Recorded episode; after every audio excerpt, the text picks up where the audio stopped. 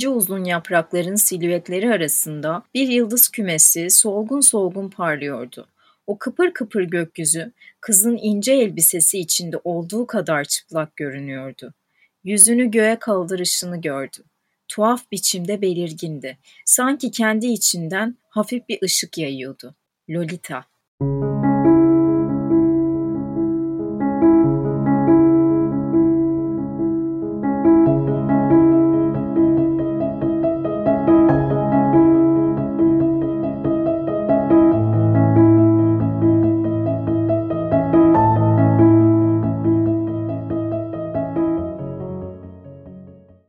Sinekli Bakkal'ın Lolita bölümüne hoş geldiniz.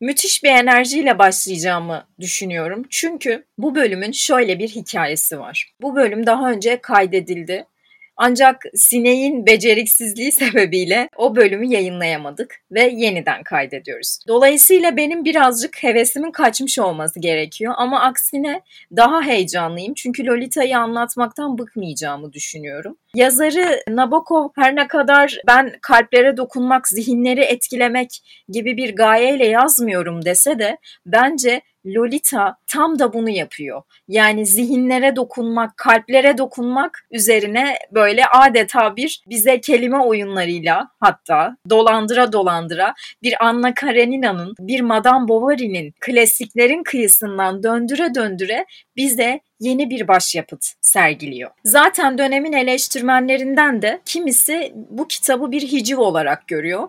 Aynı zamanda cinselliği ayna tuttuğunu düşünüyor. Ben de aynı şeyi düşünüyorum. Okuduktan sonra bu şekilde düşündüm daha doğrusu.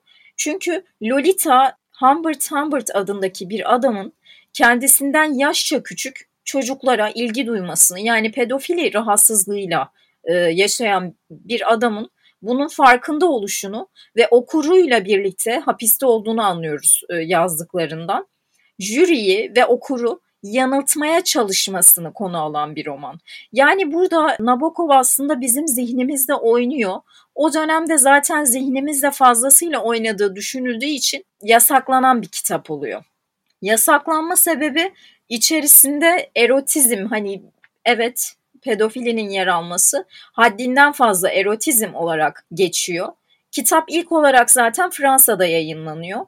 Fransa'da yayınlandıktan sonra İngiltere'de yayınlanıyor. İngiltere'de yayınlandığında İngiltere'nin bu klasik muhafazakarlığının etkisi altındayken birçok eleştirmenin tepkisiyle birlikte yasaklanıyor. Amerika'da yayınlandığında da New Jersey eyaletinde kütüphanelerden kaldırılıyor. Yani bu şekilde bir olay olması ortaya çıkıyor. Lolita'nın o döneme kadar yazılmış eserlerden farkı tabii ki klasiklere bakıldığında aslında bence çok da absürt bir şey yapmıyor. Yani düşünüldüğünde evet Anna Karenina ilk yazıldığında ya da Madame Bovary ilk yazıldığında da belki bu tepkiler alınmıştı ama Lolita'nın bakış açısı çok farklı bir yerden.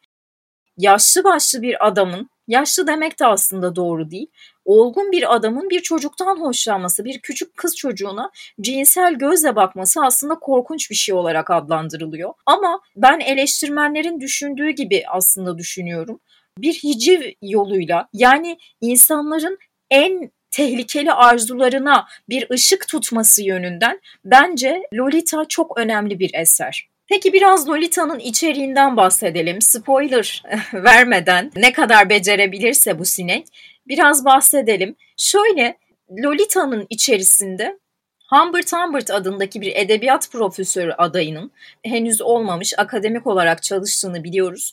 Kültür sanattan anlayan ve kendisini tanımlarken de yakışıklı olduğuna inandığımız çünkü bu şekilde kendini tanımlıyor. Yaşıtları olan kadınların kendisinden hoşlanabileceği kadar yakışıklı bir profilinin olduğunu iddia ediyor. Bunu yazıyor ve hayatı boyunca yani ilk hayatına giren kadınlardan da aslında bahsediyor.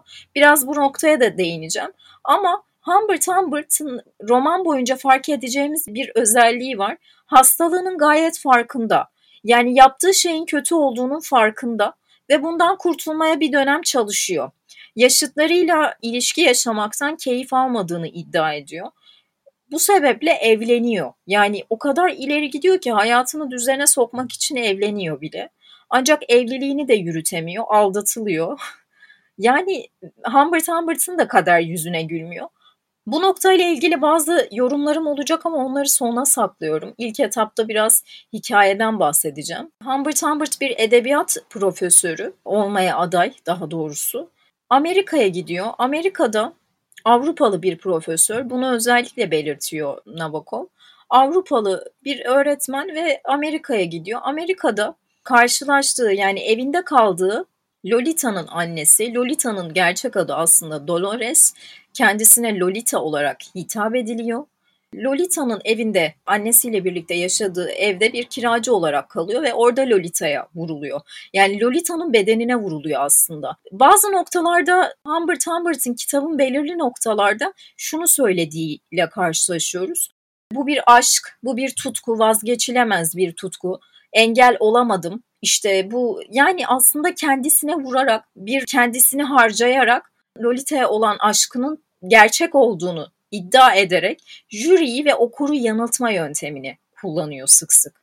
Ancak biz onun betimlemelerinden Lolita'yı sadece bir beden olarak, bir et parçası olarak ne kadar önemsediğini, aslında bunun arka planında tamamen cinsel, Freudsal incelemelerle karşılaştırıldığında bir cinsellik meselesi olduğunu anlıyoruz. Humbert Humbert annesi Charlotte sebebiyle tabii ki Lolita'ya çok fazla yaklaşamıyor. Lolita'ya yakın olmak için annesi Charlotte'la evleniyor. bu kadar ileri gidiyor. Bazı eleştirmenler bu noktada şöyle yorumlar yapmışlar. Mesela bu kitapla ilgili yazılan tezler var. Bunları incelediğimde şöyle şeylerle karşılaştım. Humbert Humbert bence bir kurbandı çünkü kendini Lolita için annesiyle olan evlilikte kurban etti. Bana bu çok absürt geliyor. Aksine ben Humbert Humbert'ın e, adi bir adam olduğunu düşünüyorum ve gerçekten amacına ulaşabilmek için, kendini o tutkusunu giderebilmek için sonuna kadar gitme dürtüsüyle yani hayvani bir istekle ileri gidiyor. Ben bunu şuna benzetiyorum. Kedi ve köpekler çiftleşmeden önce birbirlerini koklayıp dururlar ya birbirlerinin kıçında koklaya koklaya dolanıp dururlar. İşte Humbert'ın yaptığı şey de bence bu. Lolita'nın peşinde sürekli dolanıyor, sürekli dolanıyor. Amacına ulaşana kadar, tutkusunu, arzusunu gerçekleştirene kadar peşinde dolanıyor ve eninde sonunda bu arzusunu gerçekleştiriyor. Bunu görüyoruz. Ama nasıl gerçekleştiriyor? Charlotte bir gün evlendikten sonra ikisi çekmecesini açtığında Humbert'ın günlüğüyle karşılaşıyor ve Lolita'ya olan hislerini aynı zamanda Charlotte'dan ne kadar nefret ettiğini öğreniyor. Zaten bu aşkı ortaya çıkartan da Charlotte. Yani Charlotte evlenme teklifinde ona sevdiğini, ona hisleri olduğunu, eğer Humbert'ın kendisine karşı hisleri yoksa hemen bu evi terk etmesi gerektiğini söylüyor. Dolayısıyla Charlotte'un başlattığı bir ilişki Humbert'ın günlüğünün ortaya çıkmasıyla sona eriyor. Humbert'ın bu günlüğünün ortaya çıkışından sonra Charlotte'a araba çarpıyor ve Charlotte hayatını kaybediyor. Peki bu süreçte Lolita nerede? Lolita da bir kampa gönderilmiş. Annesi tarafından zaten hırpalanan bir çocuk. Çok ilgi gösterilen bir çocuk değil. Biz bu hikayede bir baba figürü görmüyoruz. Charlotte'un kızı Lolita baba figürü olarak Humbert'ı görüyor mu? Bu noktayı sorguladığımızda da aslında Lolita'nın da bir oyun olarak cinsel bir oyun oynadığını fark ediyoruz. Evet temelde o bir çocuk ama ergen bir çocuk. Ergenlerin o dönemde yaşıtlarıyla oynadığı bir cinselliğin tam anlamıyla farkında olmadan karşılıklı bir böyle dürtü gibi düşünülebilir. Bu şekildeki bir oyunu bir yetişkinle oynadığının kesinlikle farkında değil. Bir yetişkinin yapabileceklerinin farkında değil. Dolayısıyla tehlike aslında burada başlıyor. Charlotte'un ölümünden sonra Humbert'ın Lolita'yı kaldığı kamptan alışı ve birlikte bir yolculuğa çıkışlarıyla ilişkileri başlıyor. Hatta birlikte onunla ilişkiye girebilmek için, ona tecavüz edebilmek için Lolita'ya hap veriyor. Ve benim dikkatimi çeken nokta şöyle bir durumda var mesela. Lolita Humbert'ın bütün hislerinden haberdar. Yani şöyle söylüyor. Humbert beni özledin mi dediğinde hayır hiç özlemedim. Bol bol aldattım tarzında bir şey söylüyor. Tabii ki bu bir sineksel yansıması olarak bu diyalogların aynı bu şekilde Nabokov'un bu kadar kötü bir diyalog yazması kesinlikle mümkün değildir. Bir sineksel yansıma olarak görün bunu. Yani burada anlıyoruz ki Lolita yaşananların tamamıyla farkında. Lolita romanı içerisinde mitsel figürlere de sembolizme de çok fazla rastlıyoruz. E, bunda Nabokov'un bir edebiyat eleştirmeni olmasının da etkisi olduğunu düşünüyorum. Nabokov bir edebiyat eleştirmeni olduğu için edebiyat tarihine son derece hakim, klasikler üzerine zaten bir kitap yazma fikri de var. Bunu kendisinin hayatı incelendiğinde de ortaya çıkar. Dolayısıyla bu kadar hakim bir insanın tabii ki dil oyunları, edebiyat tarihi açısından birçok oyunu metnine sığdıracağı düşünülebilir. Yani tahmin edilebilir bir olay. Dolayısıyla zaten Lolita içerisinde de biz mitlere rastlıyoruz. Peki bu mitler nelerdir? Humbert Humbert 12 ile hatta 9 ile 12 yaş aralığındaki kız çocuklarından hoşlandığı için bunlara su pericikleri hitabını da bulunuyor. Yani sürekli onları su pericikleri diye seviyor. Aslında gerçekten yani düşünüldüğünde Nabokov öyle müthiş bir hastalıklı karakter yaratmış ki gerçekten düşündüğünüzde ben okurken hep şöyle söyledim. Evet ya böyle olurdu. Bir karakter, bir hasta adam, bir tecavüzcü böyle olurdu. Başka türlü olamazdı gibi düşünmeye başlıyorsunuz. Belki ben abartılı teatral bir şekilde açıklıyorum ama gerçekten okuduğunuzda anlayacaksınız. Böyle benim kadar abartılı anlatmıyor bu arada ki öyle olsaydı da çok yapmacık görünürdü. Ama öyle bir karakteri yedirme söz konusu ki şu an bu arada Nabokov'u eleştirdiğime ya da ondan onu övdüğüme inanamıyorum. Haddim de değildir kesinlikle. Ama Lolita'nın ne kadar müthiş bir roman olduğunu bilinmesini de istiyorum. Çünkü ben Goodreads'te araştırırken birkaç şöyle yoruma rastladım. Ben çok zorlandım okunurken. Evet bir roman ama bir adamın çocuklara ilgi duymasını okumak bana çok ağır geldi, çok zor geldi gibi yorumlara rastladım. Ben de bu tarz şeylerden hoşlanan biri değilim. Hoşlanmam normal olmazdı zaten de.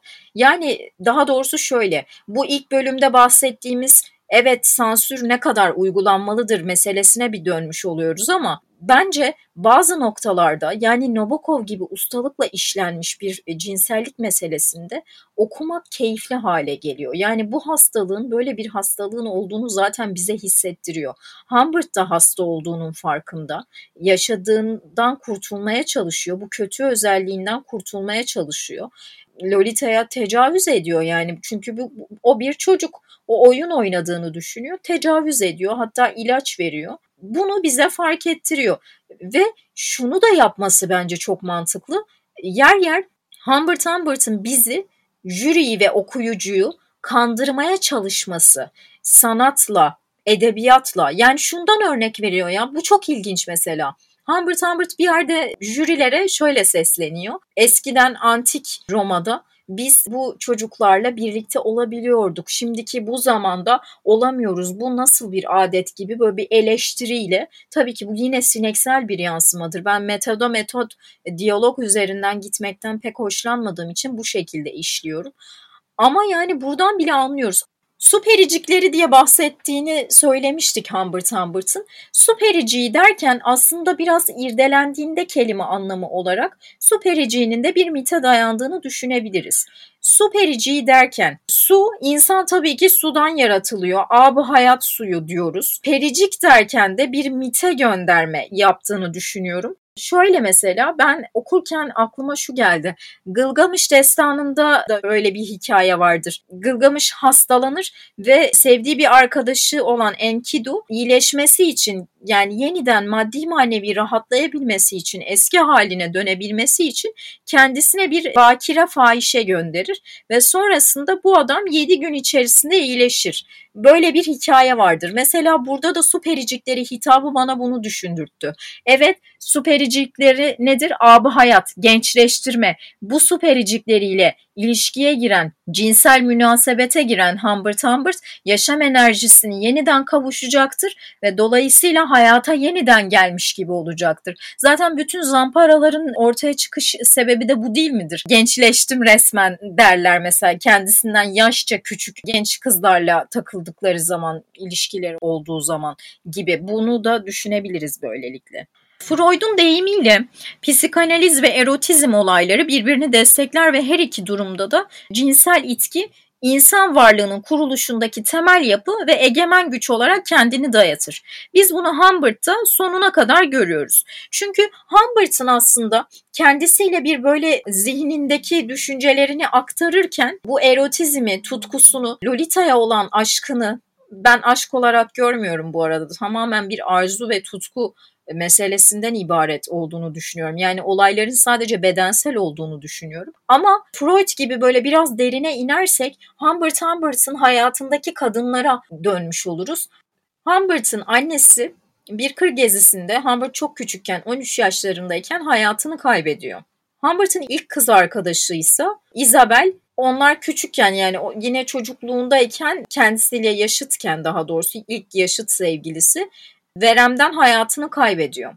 Şimdi şöyle Geriye dönüp baktığımızda Humbert'ın çocukluğunda çok genç yaşta annesini kaybetmesinin Freudian bir terimle küçük kızlardan hoşlanmasına dayandırılabilir mi? Küçük yaştan itibaren yalnız kalan bu adamın bir gençlik iksiri arayışında olması nasıl açıklanır? Tabii ki bu bir psikoterapi bir e, uzmanına sorulabilecek bir durum olduğunu düşünüyorum. Ama Freudian bir inceleme olarak düşünüldüğünde de bence psikanaliz ve erotizmin birbirlerini desteklemesi ve aynı noktada birleşerek paralel olarak ilerleyerek bir noktada birleşmesi Lolita'da çok sık görülen bir durum olduğunu düşünüyorum.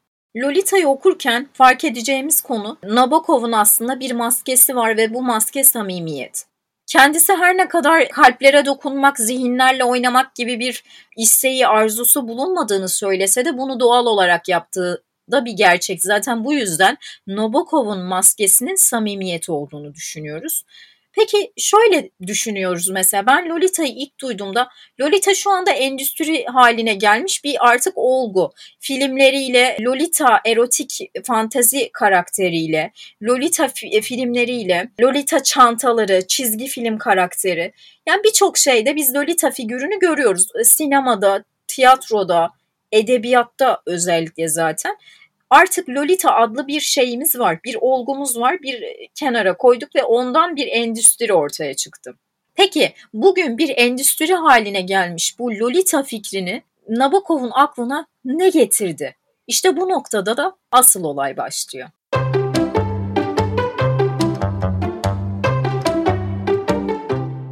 Nabokov çok zengin, çok rahat bir ailenin çocuğu. Kendisi 10 yaşındayken Fransa kıyılarında ailesiyle tatil yaparken Colette adlı bir kız arkadaşı onu öpüyor. Kendisi onu öptükten sonra küçük maymun diye hitap ediyor ve Lolita'yı da bu anı üzerine inşa ettiğini anlatıyor.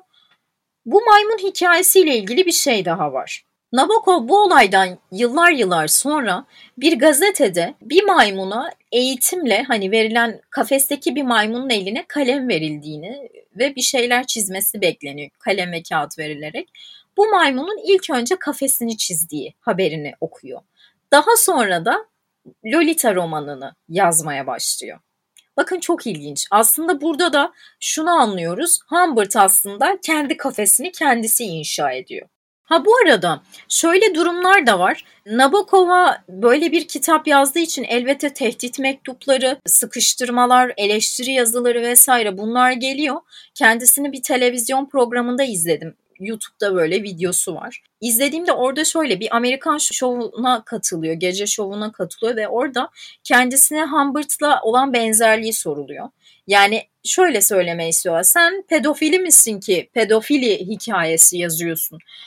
Yani çok hayatımda duyabileceğim en saçma soru bu arada. Yani bir yazara sorulabilecek en salakça soru olduğunu da düşündüğümü belirtmek isterim. Ama Nabokov tabii ki çok zeki bir adam olduğu için gayet güzel bir cevap veriyor. Şunu söylüyor. Humbert sinek kuşu ve güveleri birbirine karıştırır. Ben böcek bilimci olarak bunu asla yapmam diyor. Bence yeterince tatmin edici bir cevap. Yani Nabokov'a sorulabilecek en saçma soru bu arada düşünüldüğünde gerçekten. Humbert'ın cinsel sapkınlığını edebiyat ve sanatta arayan, o okuru ve jüri istismar etmeye çalışmasını konu alan bu Lolita hikayesi Nabokov'un aklına tabii ki bahsettiğimiz gibi hikayelerden ve bazı gazetelerden, anılarından ortaya çıkıyor. Peki Lolita ilk taslak mı? Lolita ilk taslak değil. Nabokov ilk önce Karanlıkta Kahkaha, sonra Büyücü adlı iki ayrı novella yazıyor ve en sonunda da Lolita'yı kaleme alıyor. Lolita'nın bu arada birkaç tane taslağı var ve dört kere yayın evine gönderilip dört kere reddediliyor. Yani dört ayrı kez reddedildiğini de biliyoruz. Sonrasında kabul ediliyor ve reddedilen kısımlarda da mesela Humbert'ın adı Arthur ve bu ilişkiden sonra pedofili yani Lolita ile olan ilişkisinden sonra kendisini öldürdüğü bir senaryo var. Bu senaryo tutmuyor. Daha sonrasında bu günümüzdeki basılan Lolita haline geliyor. Yani Nabokov'un üzerinde çalışarak getirdiği hali. Lolita'nın yayınlandığı dönemde 1954'te yayınlanıyor bu arada. 1954'te yayınlandığı dönemde büyük bir yankı getirmesinin yanı sıra 1962'de Kubrick tarafından, efsanevi yönetmen Kubrick tarafından filme uyarlanması ardından da 1997'de İngiliz yönetmen Adrian Lane tarafından filme uyarlanması olayı var. Tabii ki Kubrick'in bir kitabı filme uyarlaması her halükarda o kitaba ün getirecektir. Ancak Lolita'nın bu üne ihtiyacı yok. Beni yargılayanlar bütün bunları kaba bir iştahla, körpe yavruların peşinden koşan bir delinin şaklabanlıklarından başka bir şey olarak görmeyeceklerdir. Nabokov simgelerden nefret ederim dese de Lolita içerisinde imgelere, mitsel simgelere çok sık rastlıyoruz. Lolita aynı zamanda Freudsal bir temelde bir anne-oğul ilişkisini yaşamamış bir adamın genç kızlara duyduğu ilginin bir hastalığın pençesine düşmesinin aslında bir roman içerisinde işlenmesi açısından da son derece önemli bir noktada yer almakta. Lolita, hayatımın ışığı, kasıklarımın ateşi, günahım, ruhum. Lo-li-ta. Dilin ucu damaktan dişlere doğru üç basamaklık bir yol alır. Üçüncüsünde gelir dişlere dayanır. Lo-li-ta ta.